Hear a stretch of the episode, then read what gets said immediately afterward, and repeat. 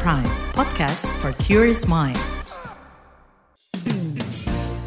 Anda mendengarkan Ruang Publik edisi khusus Indonesia Baik. Bersama kita jadikan Indonesia baik. Halo, selamat pagi. Berjumpa kembali dalam Ruang Publik KBR hari ini, edisi Indonesia Baik bersama saya Naomi Liandra. Ruang publik pagi ini kita mengangkat tema yang cukup menarik yaitu belajar sejarah dari makam. Siapa takut? Saudara, yang namanya belajar sejarah dari buku itu sudah biasa begitu ya. Nah, tapi gimana kalau kita belajar sejarah dari makam? Inilah yang dilakukan oleh komunitas Indonesia Graveyard. Jadi mereka ini mendalami sejarah melalui filosofi yang dipelajari mulai dari arsitektur, sampai dengan tulisan yang tertera di nisan. Gimana caranya dan seperti apa tantangannya belajar dari makam ini? Di ruang publik KBR kita akan bahas tentunya di Indonesia Baik pagi hari ini dengan perwakilan komunitas ini sendiri ya. Ada Mbak Hanon Sari Paramita yang akrab disapa Mbak Ruri, founder komunitas Indonesia Graveyard, dan juga bersama dengan Mas Emir Haidar, pemerhati sejarah makam. Selamat pagi Mbak Ruri dan juga Mas Emir. Selamat pagi, Cak. Selamat pagi. Selamat pagi, terima kasih sudah hadir di ruang publik KBR pagi hari ini. Baik, Mbak Ruri, ini kalau ngomongin soal makam gitu ya, pasti deh orang itu udah langsung mindsetnya horor, serem gitu kan, takut. Dan diidentikan dengan mistis, kemudian juga menyeramkan dan lain-lain. Tapi teman-teman di sini malah belajar nih dari makam. Mungkin bisa dijelaskan oleh Mbak Ruri kenapa makam yang dipilih sebagai tempat belajar. Silakan Mbak Ruri. Uh, Oke, okay, terima kasih Mbak Nomi. Uh, awalnya kalau saya pribadi sih karena suka bangunan-bangunan tua, terus karena saya suka motret, terus uh, merembetnya ke makam tua. Tadinya cuma mengagumi bentuk-bentuk bangunannya gitu loh kok. Mm -hmm. uh, apalagi makam Belanda, makam Tionghoa itu kan bentuknya indah uh, gotik ya kalau alirannya di di fotografi itu. Nah, terus karena saya hobi belajar sejarah juga, terus uh, ada ide sama saya antara saya dan teman saya almarhum Denny kita bikin uh, akun Instagram ini terus dari 2017 terus kok dari situ awalnya kita cuma mengagumi bangunan-bangunan itu karena kami sama-sama suka motret gitu. Terus kok uh, menemukan cerita-cerita sejarah di balik siapa yang makamkan di situ. Terus kadang-kadang nggak sengaja ketemu makam tokoh siapa gitu. Terus oh ya udahlah kita bikin sendiri aja lah uh, akun ini. Terus ada salah satu media yang pernah wawancara kami juga kok bilangnya mereka keep pengetahuan itu untuk diri kita untuk mereka sendiri. Hmm. terus dari situ kayak oh emang ada ya orang yang mau belajar lewat kuburan kayak kayak kami gitu gitu. Terus ternyata ada. Terus ya udah kita mulai sedikit sedikit belajar berbagi gitu. Sepengetahuan kami karena kami dan saya dan almarhum Denny itu bukan uh, kami uh, pakarnya bukan pakar-pakar sejarah gitu hmm. jadi tidak ada yang kuliah sejarah tapi dari situ uh, berkembang sih dari baca-baca buku internet dan jurnal-jurnal gitu sih oke okay. Lalu dari situ. The informasi sejarah apa aja nih yang bisa kita dapat dari sebuah nisan, Mbak Ruri?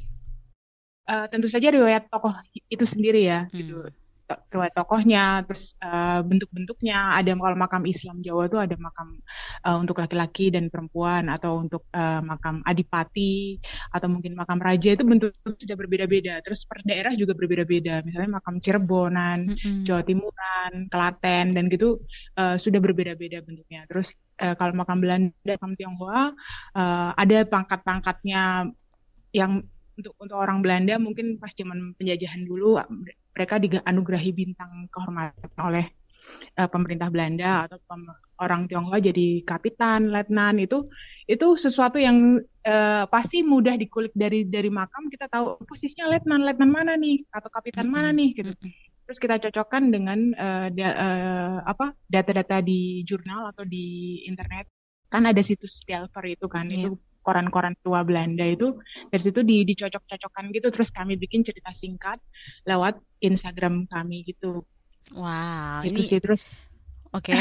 Lalu lalu Lalu dari huruf-hurufnya juga bisa. Huruf-huruf mm -hmm. di makam Belanda itu ada huruf gotiknya atau huruf biasanya. Itu kalau gotik itu biasanya untuk pemuka agama atau pejabat gitu. Kalau huruf-huruf biasa mm -hmm. untuk orang-orang biasa gitu. Macam-macam sih, Mbak. Oh, dari... jadi dari fontnya pun juga berbeda-beda gitu ya, tergantung masa hidupnya itu jabatannya apa? Begitu? Ya betul oh, betul betul. oke. Okay. jadi bukan hanya di Microsoft Word aja ya ternyata di Nissan juga ya Mbak Nuria dan juga Mas Emir iya. tapi ngomong-ngomong nih Mbak karena komunitas ini kan sering mengunjungi makam gitu ya apakah ada yang mengaitkan aktivitas teman-teman belajar sejarah ini sebagai kegiatan yang berbau spiritual begitu atau mistis? Atau ada nggak sih anggota uh, yang mengalami pengalaman spiritual saat mengunjungi makam mungkin bisa sharing sama kita di sini Mbak. Monggo.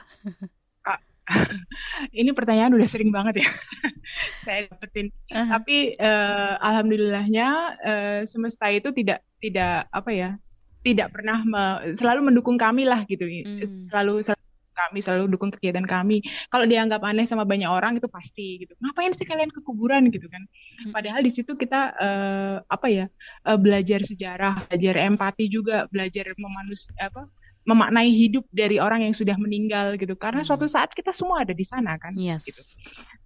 Terus uh, apa kalau yang aneh-aneh itu malah justru enggak karena justru banyak oh. pengalaman yang menurut kami sangat me, me, aneh tapi malah bukan seremnya ya tapi justru endingnya tuh uh, menyenangkan gitu misalnya mm -hmm. uh, kalau kami makam tuh banyak-banyak kupu-kupu gitu-gitu yang kami pikir kami menganggap itu semesta memberkati kami untuk uh, merawat bangunan-bangunan makam-makam tua ini gitu-gitu aja sih. Hmm, okay. Tapi tidak ada yang pernah pernah kesambet atau apa gitu. Kalau ada banyak orang indigo yang mereka ngaku mm-hmm. indigo gitu. Mm-hmm. minta diajakin blusuan saya selalu menjawab e, gini aja mas mbak. Kalau memang mau blusuan mending blusuan sendiri karena kami memang tidak alirannya ke situ gitu. Kami mm-hmm. tidak mencari misalnya ke kanan tuh mbak ada penampakan ke kiri ada penampakan gitu. Kan kami jadi nggak blusukan kalau kayak gitu. Ini nggak tahu kan dari udah tahu gitu aja sih. Sampai ini ya angkat tangan ya kalau udah nggak kuat gitu ya nggak nggak gitu juga oh, iya, ya. kami bukan alirannya gitu gitu totally nggak ke situ. Oke okay, baik. Jadi lebih ke memaknai hidup dari sejarah makam gitu ya Mbak Ruri ya. Iya. Oke okay, nice. Ini menarik banget untuk dibahas. Nah kalau dari sisi Mas Emir anda ini kan adalah uh, pemerhati sejarah makam gitu ya. Mungkin bisa dijelaskan terlebih dahulu apa sih itu sejarah makam? Mas Emir silakan mungkin bisa lebih diperjelas ya sejarah dari makam itu sendiri mm -hmm. bisa sejarah dari tokoh yang dimakamkan uh, sejarah dari bangunan yang ada di atas makam atau sejarah siapa yang membangun bangunan yang ada di atas makam itu sendiri kak. Mm-hmm. Oke, baik. Jadi kalau dari sisi sejarah makam sendiri, mungkin uh, ada nggak sih perbedaan dari makam-makam yang ada di Indonesia dari waktu ke waktu gitu? Mungkin ada penjelasannya nih dari Mas Emir. Mungkin ada perbedaan bentuk makam dari waktu ke waktu itu karena salah satunya karena metode metode dari pemakaman itu sendiri. Karena perubahan metode pemakaman itu sendiri jadi ada perubahan dari makam. Yang kedua, semakin berkembangnya pengetahuan dari waktu ke waktu itu akan menyebabkan perbedaan dari material yang digunakan sebagai bangunan yang ada di makam itu sendiri. Yang awalnya tadinya kayu karena kayu hmm. itu lebih cepat propos dan tidak awet sehingga banyak sekarang yang memberi bangunan di atas makam itu dalam dalam material dalam bentuk batu. Hmm, oke, okay, baik. Tapi sebelum aku nanya-nanya yang lain nih, Mas Emir boleh diceritain nggak itu backgroundnya ceritanya itu uh, gambar gambar apa tuh, Mas? oh, di belakang ini uh. itu sebenarnya salah satu altar dewa bumi dari sebuah ngebong Ngebong itu adalah pemakaman Tionghoa okay. di daerah Salatiga. Oke, okay. ada sejarahnya nggak dari uh, gambar itu dari Ngebong itu? Kalau sejarahnya, jujur saya belum pernah ngulik. Namun Ngebong ini adalah salah satu Ngebong yang cukup mewah mm-hmm. karena tidak tidak banyak altar dewa bumi yang diberi cungkup seperti ini, kak. Dengan dengan beberapa material berupa tile berupa tila tila tile keramik yang bermotif. Oke, baik. Iya. Eh, itu yang bisa dibilang jadi paling favoritnya Mas Emir kah atau gimana? Mungkin salah satunya kak. Oh salah satunya, oke okay, baik. baik. Nah uh, selain itu uh, Mas Emir mungkin bisa diceritain juga gitu ya sama pendengar KBR. Sebenarnya kalau metode pemakaman itu seperti apa aja sih Mas Emir yang sampai saat ini yang kita tahu bahkan belum tahu juga sama sekali? Yang cukup umum sendiri penguburan ya kak. Hmm. Dan pemakaman di atas tanah itu disimpan di dalam sebuah laci, makam laci. Yang ketiga, yang yang mungkin bisa meninggalkan relik atau tidak bisa meninggalkan eh, tidak meninggalkan relik itu metode pemakaman metode metode, hmm. metode pemulasaraan jenazah berupa kremasi. Oke, okay. yeah. oke okay, baik. Jadi uh, memang sebenarnya macam-macam ya dari zaman ke zaman sampai uh, batu nisannya juga akan berubah seiring perkembangan zaman juga seperti itu ya, uh, Mas Emir dan juga Mbak Ruri. Nah mungkin uh, dari Mbak Ruri sendiri, kira-kira boleh diceritain gitu Mbak, udah mengunjungi makam di mana saja Mbak, khususnya di Indonesia? Aduh, kalau di Indonesia, uh, yang luar Jawa itu ada hmm. di Sumba Oh, okay. Terus di, di uh, Jambi. Mm-mm. Belum banyak sih karena saya baru semakin menggilai uh, sejarah makam ini kan baru 2017-an gitu. Tapi sebelumnya selalu uh, kalau belum, ber, belum selalu suka bangunan-bangunan tua. Tapi kalau sengaja kalau ngetrip mana pun sekarang uh, selalu ada itinerary-nya, selalu ada makamnya di situ gitu. Mm-hmm. Kalau traveling selalu ada gitu. Tapi ini harus melulu makam tua kah atau makam Belanda atau makam Tionghoa atau seperti apa nih Mbak Ruri? Biasanya apa yang disambangi apa pun.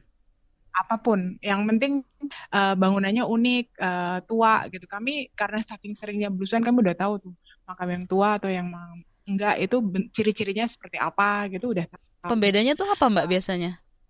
Jadi ya, itu dari jenis bangunannya. Hmm. Kalau makam Jawa tuh udah kelihatan lah bangunannya lebih panjang gitu makam Islam Jawa itu bangunnya lebih, lebih uh, panjang terus bahannya lebih hmm. apa ya batunya lebih kuno lah daripada daripada yang sekarang-sekarang ini kalau makam Belanda udah tau lah uh, karena ada hmm. deskripsinya kan ada tulisannya tahun berapa tahun berapa gitu hmm. makam Tionghoa juga ada tulisannya kan di situ jadi udah tahu uh, biasanya yang kami anggap tua itu di bawah 119-50-an gitu kami selalu excited untuk ke situ. Tapi uh, ya itu tadi kami bergeraknya lewat melihat peta lama peta zaman Belanda kan. Di situ ada lambang-lambangnya kan di peta lama itu. Kalau makam Islam uh, seperti ini makam Tionghoa seperti ini makam Kristen atau makam Belanda itu bentuknya salib gitu. Hmm. nah kita selalu cross check membandingkan dari makam uh, peta di lama dan peta baru gitu apakah makam itu masih ada di situ? Kadang-kadang kita nemuinya udah di belakang rumah orang gitu. Mm-hmm. udah udah jadi pemukiman atau udah sama sekali nggak ada bekasnya gitu gitu. Jadi uh, ada pengalaman-pengalaman uniknya di situ gitu untuk membandingkan peta lama dan peta baru. Wah, mungkin nanti bisa lebih dieksplor lagi kali ya pengalaman unik untuk uh, apa membedakan seperti apa uh, perjalanan si Mbak Ruri ini dan juga mungkin si Mas Emir gitu ya dengan kegiatan yang ada di ruang publik pagi hari ini tentunya sejarah makam. Dan ini bisa dibilang tadi again gitu ya Mbak Ruri bilang memaknai hidup dari sejarah makam lebih ke situ ya, bukan untuk ajang apa bikin konten serem-sereman gitu ya Mbak ya. Intinya okay. berbagi pengetahuan. Yes, lebih ke knowledge juga untuk pendengar yang sekarang lagi mendengarkan juga. Ruang Publik akan segera kembali. Masih Anda dengarkan Ruang Publik KBR. Commercial break. Commercial break.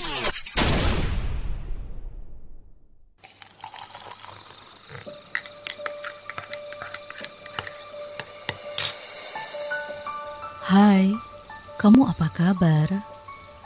Masih suka menikmati senja dan kopi? Aku masih ingat kebiasaan kita.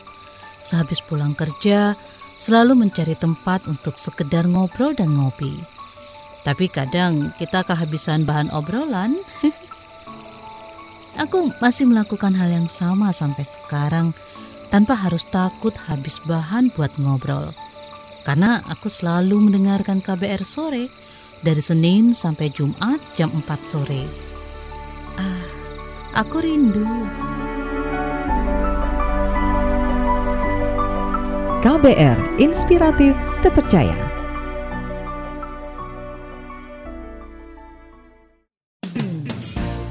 Anda mendengarkan Ruang Publik edisi khusus Indonesia Baik. Bersama kita jadikan Indonesia baik. Anda masih menyimak Ruang Publik KBR edisi Indonesia Baik dengan tema kita belajar sejarah dari makam, siapa takut. Masih berbincang dengan kedua narasumber kita dari Indonesia Graveyard ada Mbak Ruri dan juga pemerhati sejarah makam ada Mas Emir. Kita ke Mas Emir dulu ya. Mas Emir, sorry, uh, mulai jadi pemerhati sejarah makam ini sejak kapan Mas Emir? Sebenarnya untuk memperhatikan dari sejarah makam itu itu sendiri itu sebenarnya udah sejak lama tapi karena tidak menemukan teman untuk belusukan makam jadinya saya menunda untuk belusukan sendiri sampai akhirnya uh-huh. dikenalkan oleh salah satu teman saya almarhum Laurentius sama Mbak Ruri jadinya sekarang mulai lagi saya mencari uh, mencari tentang terkait tentang sejarah makam itu sendiri kak. Oh jadi sejak lama. Kalau boleh Udah, tahu dari lama. tahun berapa gitu? Hmm, dari tahun kalau tidak salah 2009 kak. Wow. Membaca membaca dari blog-blog uh-huh. yang ada di blog-blog yang ada blog yang ada di Google. Ada satu blog yang namanya tembi.com uh-huh. itu itu itu sekarang sebagai blog budaya, namun dahulu juga banyak uh, menyertakan beberapa artikel tentang sejarah beberapa makam, Kak. Hmm, Oke, okay. oke, okay, jadi begitu ya. Lalu dari tahun 2009 berarti udah berjalan 14 tahun ya kalau sampai saat ini ya gitu ya, Mas Ruri. Uh, eh, sorry, Mas Emir. Nah, uh, pemakaman apa aja yang mungkin pernah dikunjungi dan seperti apa temuan sejarah yang menarik yang selama ini pernah dialami oleh Mas Emir?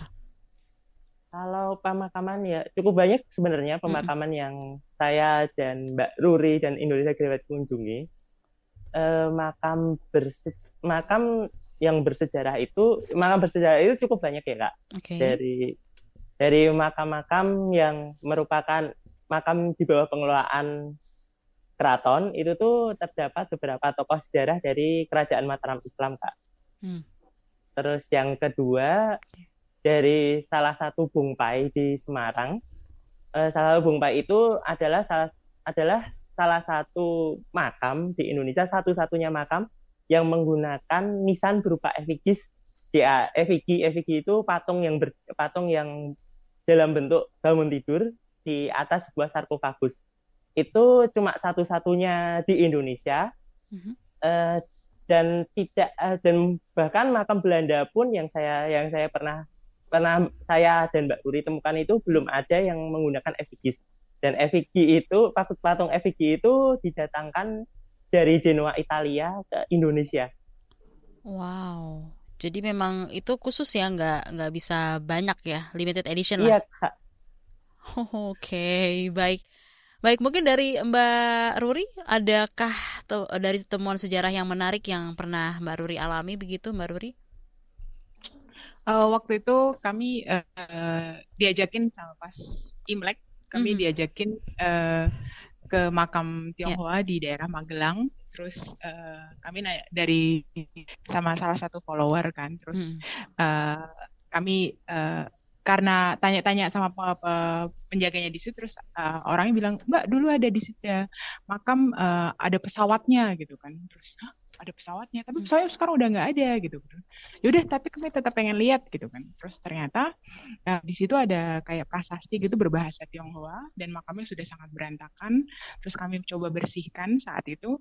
Terus uh, karena kami tidak bisa membaca huruf Mandarin kan terus kami hmm. tanya sama Mas Pipo teman kami yang bisa membaca. Terus ternyata itu adalah dari prasasti itu terbaca makamnya Ko Kehien beliau itu adalah uh, seorang uh, saudagar uh, pebisnis ya zaman itu di tahun 1930-an, 1920, hmm. 1930-an gitu. Itu uh, dia itu orang pertama, orang hmm. orang Hindia Belanda pertama, Indonesia belum ada ya saat itu ya. Yeah. Orang Hindia Belanda pertama yang memesan bikin pesawat, Mbak. Bikin wow. pesawat di tahun itu untuk ke Eropa. Karena dia pengen melebarkan sayapnya ke Eropa. Eh sorry, melebarkan bisnisnya ke Eropa gitu kan. hmm Dia pengen bisnis daging, dia daging sapi kalau nggak salah. Itu uh, melebarkan sayapnya, terus ini dia bikin pesawat. Yang bikin pesawat orang Belanda. Begitu dan cuma berpenumpang dua. Dan Hmm. begitu sampai di Belanda, orang Belanda tuh kagum gitu loh. Oh, orang Hindia Belanda tuh bisa ya bikin pesawat kayak gini ya. Ternyata bukan orang Belanda doang gitu. Nah, dari situ kan eh, apa yang kita sengaja nggak sengaja ketemu, oh ternyata ada orang eh, yang bernama Kaukehien ini di sini gitu, peranakan Tionghoa Jawa yang waktu itu istilahnya menggegerkan dan Mm-mm. eh, Belanda gitu dan koran-koran Belanda banyak sekali kalau eh, disebutkan saat itu di koran-koran Belanda saat itu nama itu sangat terkenal dan bikin istilahnya bikin viral lah kalau zaman Mm-mm. sekarang gitu di di Belanda dan itu paling sesuatu yang membanggakan lah untuk kami gitu ternyata eh, ada loh eh, yang tapi karena keluarganya sudah pindah ke Belanda di tahun 1940-an karena beliau meninggal di tahun 1938 karena kecelakaan di usia 31 tahun. Jadi eh, kecelakaan pesawat, sorry, di, Iya. di Cililitan usia 31 tahun. Jadi eh, keluarganya akhirnya memutuskan di tahun 1940 memutuskan pindah ke Belanda. Jadi makamnya sudah tidak terawat lagi. Oke. Itu tadi, sorry Mbak, di daerah mana Mbak menemukan makam itu? Magelang. Magelang ya, Magelang. Nah, boleh tahu nggak sih sebenarnya dari mana eh, Mbak Ruri dan juga mungkin Mas Emir gitu ya dan juga teman-teman ini mendapatkan info-info makam-makam yang tadi seperti salah satunya yang ada di Magelang begitu kan?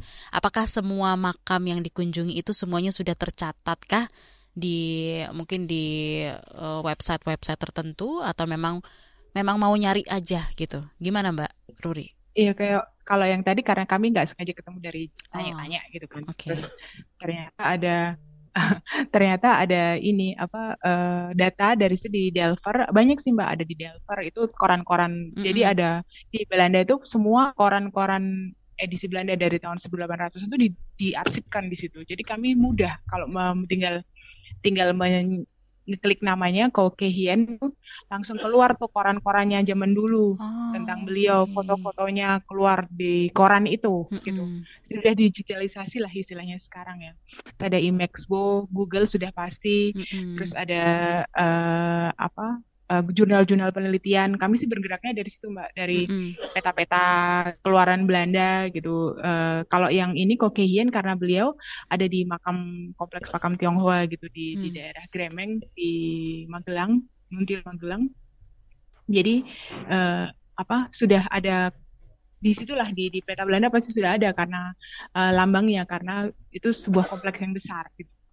Oke, nice banget. Lalu Mbak eh, dan juga Mas Emir, sejarah itu kan bisa dipelajari juga gitu ya dari arsitektur sampai dengan tulisan yang tertera di nisan. Tadi seperti di awal sempat disampaikan juga oleh eh, Mbak Ruri begitu kan.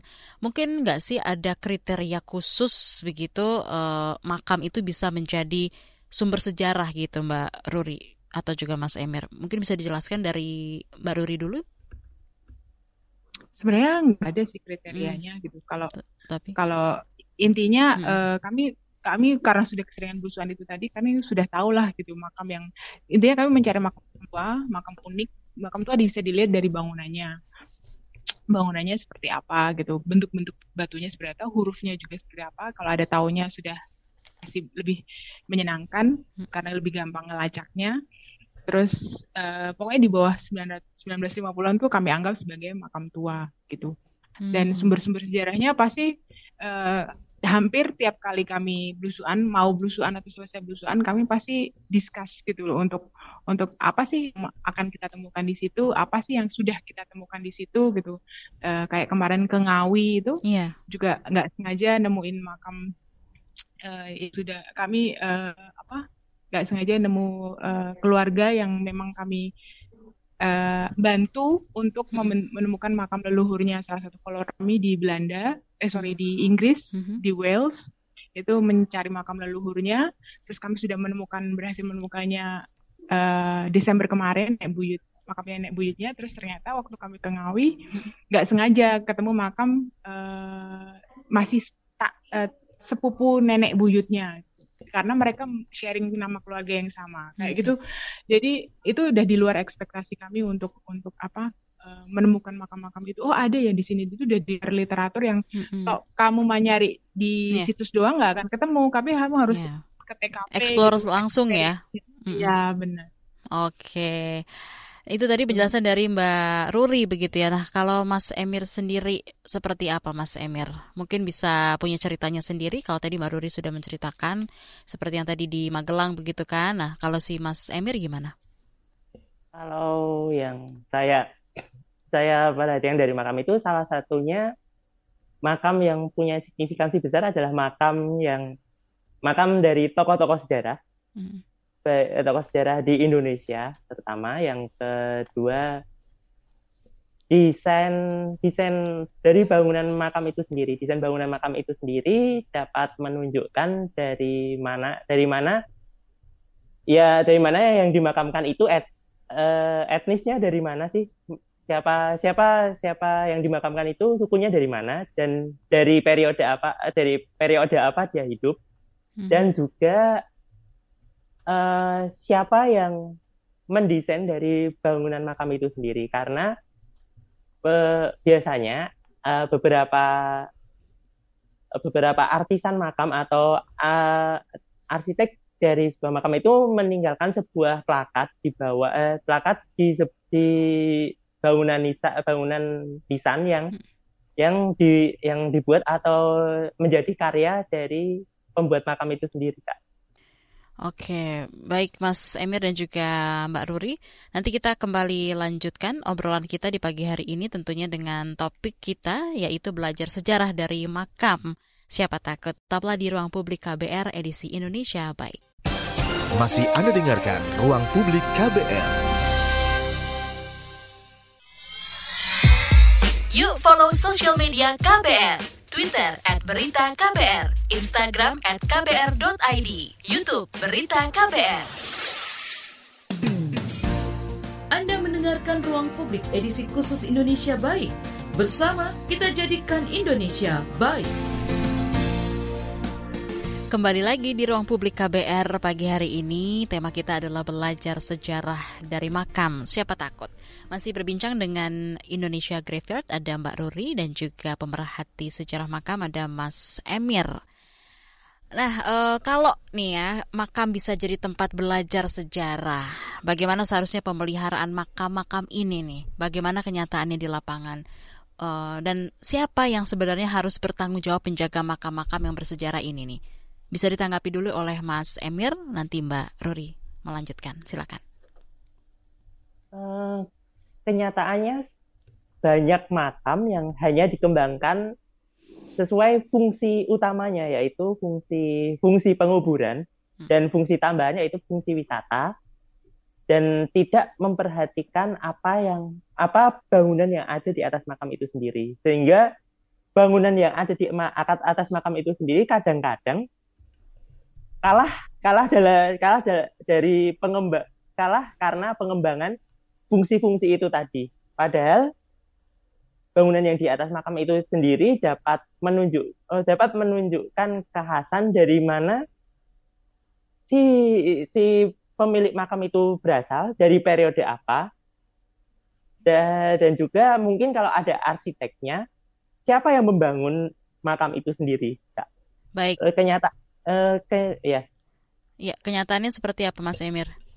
Uh, kenyataannya sebenarnya banyak makam yang sebenarnya telah ditetapkan sebagai cagar budaya, Tapi... namun hanya memperhatikan dari sejarahnya saja, tidak memperhatikan dari apa yang ada di atas bangunan makam itu sendiri. Hmm, jadi dibiarkan begitu saja ya, Mas Emir iya, ya? Kak, cuma cuma memperhatikan sejarahnya saja. Tidak terawat ya, bisa dibilang begitu. Iya bisa tidak terawat atau masyarakat tidak tidak mau tahu yang abai. penting fung, abai yang penting fungsi sejarah fungsi wisata dan fungsi penguburan itu berjalan. Oke okay, baik. Lalu kalau dari Mbak Ruri seperti apa Mbak? Menurut anda? Uh, mungkin ya ini personal opinion saya sih. Mungkin uh, makam pemeliharaan makam itu kan sesuatu kalau istilahnya lahan kering gitu loh. Hmm. nggak ada kalau mau uh, dibikin wisata juga siapa yang mau ke situ gitu kan kalau terus identik dengan klinik dan sebagainya itu akan bikin tambah yeah. horor gitu kan. Mm. Nah makanya kami uh, concern dengan makam-makam yang khususnya tidak ada juru kuncinya dan kebanyakan kalau di Jawa itu di kota-kota besar di Jawa itu kebanyakan yang tidak ada juru kuncinya adalah makam Belanda dan makam uh, Tionghoa gitu yang mm. sudah uh, tidak terawat gitu. Makanya kalau kami bersih bersih makam kami fokusnya ke situ gitu. Karena kebanyakan mm. makam Jawa selalu ada juru kuncinya yang otomatis memelihara makam gitu. Apalagi makam sing kayak di Jakarta itu ada makam Sobengkong yang tinggal satu-satunya hmm. di pemukiman gitu kan. Di pemukiman tinggal satu. Tuh jadi itu harus dipelihara awarenessnya untuk memelihara makam itu tuh harus dijaga banget. Dan kebetulan kemarin pemerintah sudah me, me, jadikan itu sebagai cagar budaya dan itu kami apresiasi sekali gitu. Tapi kan tidak semua uh, makam-makam tua padahal uh, yang diberikan status seperti itu atau diberikan perhatian sedikit lah oleh pemerintah gitu. Padahal dari berjasa loh buat pembangunan hmm. Indonesia, buat pembangunan Jakarta, kota-kota besar di Indonesia sampai sekarang gitu. Kenapa ada perhatian uh, untuk memelihara makam-makam itu gitu? Makanya kami salah satu uh, awareness yang pengen kami tingkatkan itu adalah hmm. ngajakin para follower kami untuk uh, ayo ikut memelihara makam di sekitar lingkunganmu aja gitu. Jangan kita kita nyahkan untuk klinik-klinik uh, kita lawan itu uh, stigma stigma klinik dan sebagainya untuk supaya makam-makam orang-orang yang berjasa untuk pembangunan kita ini uh, pembangunan Indonesia dan daerah kita pada umumnya ini uh, bisa ikut terjaga gitu bukan dibiarkan begitu saja gitu. Oke, okay. IG-nya apa Mbak Ruri? IG? Uh, ini ada di akun uh, Instagram at eh sorry Indonesia underscore graveyard. Indonesia underscore graveyard. Bisa sambil yeah. uh, sambil mendengarkan siaran radio, bisa sambil buka juga kali ya kepoin IG-nya Indonesia underscore yeah. graveyard begitu ya. Baik Mbak Ruri dan juga Mas Emir, kita baca beberapa pesan yang sudah masuk di WhatsApp maupun di YouTube. Yang pertama kita mungkin baca dulu dari YouTube ya. Dari YouTube di sini ada Bapak Heriatno Pakpahan dari Samarinda. Apakah ada banyak makam di Indonesia Timur yang bisa dipelajari? Apa saja ceritanya? Mungkin dari Mas Emir dulu, silakan nanti dilanjutkan oleh Mbak Ruri. Iya, silakan. Ya, mungkin Emir mungkin dari Mbak Ruli dulu karena saya belum pernah menelusuri makam-makam di Indonesia Timur, Kak. Oke, siap Mbak Ruri gimana Mbak Ruri? Silakan, Mbak. Uh, terus terang uh, untuk ke sana memang uh, butuh biaya yang sangat besar kan. Hmm. Terus uh, kalau Indonesia Timur yang saya pernah jelajahi itu ada di Sumba. Jadi uh, Sumba itu di Sumba uh, mereka menaruh jenazahnya itu di depan rumah. Jadi bentuknya hmm. makam batu kotak gitu, ada pintu kecilnya di sini. Terus uh, yang dimakamkan di atas tanah itu dimakaminya. Hmm. Jadi dimasukin, terus uh, ditutup pakai pintunya, pintu batunya ditutup. Terus nanti kalau ada anggota keluarga lain yang meninggal, makam yang di dalam itu digeser ke kanan atau ke kiri, terus dimasukin peti yang baru gitu. Dan itu sekarang mereka semua lahannya luas-luas, jadi makamnya itu selalu ada di depan uh, rumah masing-masing gitu dan bentuk kotak batu besar yang tebal gitu. Itu seperti itu. Kalau followers kami yang di Indonesia Timur kebetulan belum banyak. Waktu itu ada cerita juga dari Ambon mm -hmm. yang dia menemukan makam uh, Tionghoa gitu. Uh, nem udah jadi uh, dindingnya dinding rumah orang gitu. Mm. kayak kayak gitu. Terus di Samarinda kayaknya udah udah, udah ada juga yang pernah mention dan tag kami. Intinya begini Mbak, uh, kami terbuka untuk siapa pun yang mau yang belusuan ke makam dan bersedia untuk berse, uh, berbagi pengetahuan sejarah lewat makam, tag dan mention kami pasti kami uh, apa repost karena semangat kami adalah bagi pengetahuan hmm. uh, sejarah melalui makam dan uh, meningkatkan awareness untuk ini loh, uh, ayo ikut jaga makam-makam tua di sekitar lingkunganmu. Itu aja sih. Oke, okay, baik. Thank you Mbak Ruri. Mudah-mudahan menjawab pertanyaan oleh Pak Heriatno ya di Samarinda. Kemudian berikutnya lagi dari Bapak Arif Kurniawan. Apakah ada klasifikasinya kalau makam itu bisa dikatakan bersejarah? Dilihat dari mana saja kalau makam yang ditemui bersejarah? Dari Mas Emir silakan ditanggapi? Uh, mungkin de, yang pertama kalau kalau sudah sudah studi literatur tentang sebuah eh, tokoh-tokoh bersejarah mungkin dari tokohnya dulu. Mm-mm. Yang kedua dari bentuk makamnya itu, bentuk makam itu dapat mencirikan sebuah periodisasi waktu di mana pemilik makam itu pernah hidup. Mhm. Lalu? Ya, eh, eh, sepengetahuan saya dua itu kak. Oke. Kalau makam berse- kalau makam sekiranya bersejarah. Oh Oke. ya satu lagi Apa tuh? yang ketiga makam yang makam sebagai karya monumental dari arsitektur dari arsitek dari arsitek di Indonesia Hmm. itu juga tergolong sebagai makam-makam yang bersejarah juga kak. Oke, mungkin ada tambahan dari Mbak Ruri? Eh, hampir sama sih gitu. Intinya eh, apa ya makam bersejarah yaitu tadi bisa dilihat dari huruf-hurufnya, bisa dilihat dari eh, bentuk bangunannya atau tahun beliau meninggal, dimakamkan kapan Mm-mm. gitu-gitu. Eh, terus kita kulik di datanya di, di Delver atau di Google atau di jurnal ternyata ada, yaitu itu kami sudah kami anggap eh, tokoh ya apa, makam yang bersejarah.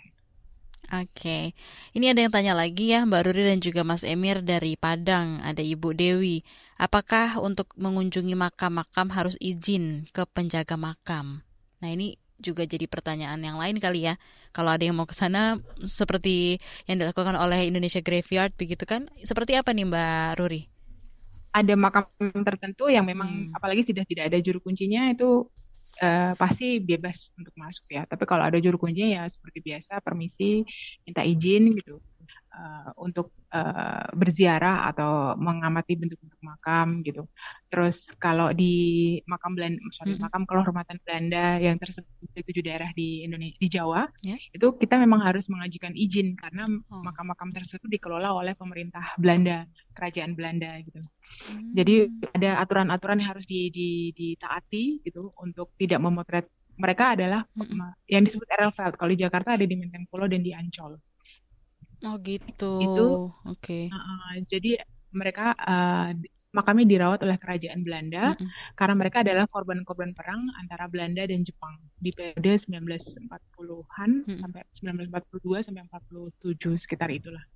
Gitu. Nah, kita harus me- menaati peraturan yang Iya. mereka kasih, ka- terutama untuk tidak memotret nama-nama korban, Hmm. eh, nama-nama yang almarhum almarhumah dari depan, gitu. Hmm. Karena bagaimanapun mereka adalah korban-korban perang yang ditaat, dihormati lah eh, oleh kita sebagai pengunjung, itu sih. Oke, baik. Lalu pertanyaan berikutnya dari Depok ada Bapak Wahyu. Pengalaman teman-teman ini apakah ada dokumentasinya atau bukunya mungkin? Aduh, bukunya itu sudah eh, kami ingin menulis buku itu, tapi untuk sementara ini kami sedang eh, semoga ini kesampaian karena ini PR-nya sungguh berat. Kami se- sedang me- membuat database Mm-mm. untuk makam-makam sejarah di Indonesia, eh, khususnya di Jawa dulu ya, karena kebanyakan dari kami ada di Jakarta, eh, Surabaya, Semarang, Jogja, dan Solo. Baru-baru itu ya, sama-sama Ngawi kemarin. Hmm. Nah itu kami baru mencoba mendok me- membuat list Dan foto-foto untuk ini makamnya siapa gitu, eh, eh, sejarahnya singkat seperti apa itu kami baru mau membuat website dan semoga dan ini kan bukan kerjaan yang mudah ya Mbak ya Ya. untuk untuk satu-satu gitu untuk me- memilih satu-satu, me- mendeskripsikan satu-satu, memotret satu-satu itu kan bukan pekerjaan mudah tapi semoga kami bisa melakukannya dan eh, on the way ke situ. Tapi untuk buku Mm-mm. itu balik lagi ke personal masing-masing ya. Eh, tapi saya eh, ingin sekali menulis buku, tapi kami belum tahu dari mana mulainya. Oke, baik Mbak Ruri dan juga Mas Emir. Nanti mungkin ada juga pertanyaan lain yang masih sempat eh, bisa ditanggapi gitu ya oleh Mbak Ruri dan juga Mas Emir. Tentunya di ruang publik KBR pagi hari ini tema kita adalah belajar sejarah dari makam. Siapa takut? Tetaplah bersama kami. Masih Anda dengarkan Ruang Publik KBR. Commercial break. Commercial break.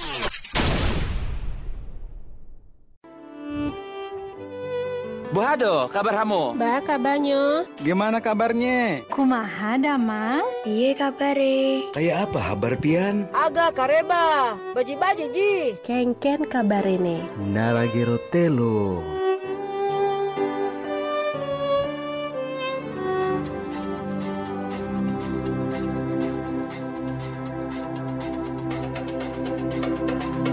Indonesia yang sangat kita cintai ini begitu kaya, mulai dari alamnya, budayanya, sampai bahasanya. KBR Prime menghadirkan cerita tentang keberagaman Indonesia lewat teman seperjuangan. Berkolaborasi dengan Sabang Merauke, sebuah komunitas anak muda yang giat mendorong toleransi di Indonesia. Karena berbeda itu biasa, karena berbeda itu asik. Teman seperjuangan hanya ada di kbrprime.id. KBR Prime, podcast for curious mind. Anda mendengarkan Ruang Publik edisi khusus Indonesia Baik. Bersama kita jadikan Indonesia baik. Ya, kita sudah berada di siaran akhir ruang publik KBR pagi hari ini. Temanya belajar sejarah dari makam siapa takut. Masih bersama dengan Indonesia Graveyard ada Mbak Ruri dan juga pemerhati sejarah makam ada Mas Emir. Lanjut lagi kita baca ya Mas Emir dan juga Mbak Ruri. Ini ada satu WhatsApp lagi dari Manado ada Bapak Johan. Apakah ada adab ketika mengunjungi makam-makam tua ini? Silakan Mas Emir bisa ditanggapi. Kalau saya sendiri tidak eh, tidak kalau adab yang saya saya lakukan sendiri biasanya tidak melangkah tidak melangkahi dari makam-makam makam-makam yang ada dan ini cukup ini sebenarnya cukup sulit untuk menentukan makam yang ada terutama di hmm. makam-makam makam-makam Islam ya karena juga juga ada makam yang tidak diberi penanda juga. Oh, oke. Okay. Iya, juga saya biasanya di makam apa pun juga biasanya saya me memulai dengan mem mensucikan diri dulu mungkin. Hmm. Ini tidak ini sebenarnya tidak harus ya. Tapi kalau untuk saya agak lebih enaknya maka saya harus saya membiasakan untuk mensucikan diri dulu sebelum saya mengunjungi makam-makam yang akan saya dan Mbak Ruri atau Indonesia Graveyard belusui. Oke, boleh di-spill iya. nggak yeah. mas kayak gimana tuh mensucikan dirinya? Eh, kalau kalau dalam kepercayaan saya ya hmm seperti berwudu biasa mencuci tangan sama hmm. mencuci mencuci kaki. Kirain sampai puasa gitu mungkin nggak nggak ya? Enggak, enggak, enggak, juga enggak, ya? enggak, enggak sampai eh, sesulit itu kak. Oke, okay, baik. Mungkin tambahan dari Mbak Ruri? Kalau saya intinya kita bertamu ke rumah orang gitu. hmm. gitu. Jadi adabnya seperti biasa, seperti kita bertamu ke rumah orang. Permisi, assalamualaikum. Hmm. Uh, dan uh, kalau uh, apa ingin memotret atau ingin uh, apa membersihkan harus tetap izin uh, kong ma atau pak bu gitu. Uh, izin ya kami foto izin ya kami bersihkan gitu gitu. Terus setelah itu jangan lupa didoakan gitu. Uh, selalu itu harus didoakan terus setelah setelah didoakan uh, terus pamit seperti biasa sih itu aja. Ada kita bertamu ke rumah orang gitu Oke, baik. Itu tadi uh, WhatsApp dan juga YouTube yang sudah masuk di ruang publik KBR pagi hari ini sudah ditanggapi juga oleh kedua narasumber kita. Nah, lalu uh, Mbak Ruri, siapa aja sih Mbak uh, yang tergabung dalam komunitas Indonesia Graveyard ini, Mbak? Dan gimana caranya? Mungkin pendengar ada yang mau ikutan join karena memang mereka tertarik begitu. Gimana Mbak? Silakan. Uh, terus terang kami tidak membuka, oh, tidak punya membership Tadi gak pakai membership ya? Membership, mm -mm. enggak, enggak ada. Mm. Intinya saya cuma uh, ini kan cuma hobi ya dari kami semua, dari teman-teman kami di beberapa kota juga ini hanya hobi gitu, bukan uh, mata pencaharian kami di sini. Mm -hmm. Jadi uh, inti kalau saya mengistilahkan itu jadi teman belusuan. Teman saya ke kota okay. Surabaya. Ya, saya teman eh sorry, saya ke Surabaya, saya ke Ngawi, saya ke Semarang, saya bikin Insta story tuh di situ. Hmm. Uh, Mimin mau ke kota ini gitu. Terus silahkan kalau mau gabung silahkan DM gitu. Terus mereka DM dan dari interaksi-interaksi itu kan lama-lama kami menjadi teman. Terus karena uh, ada teman mereka mereka tersebar di beberapa daerah, jadi kita bikin WhatsApp group.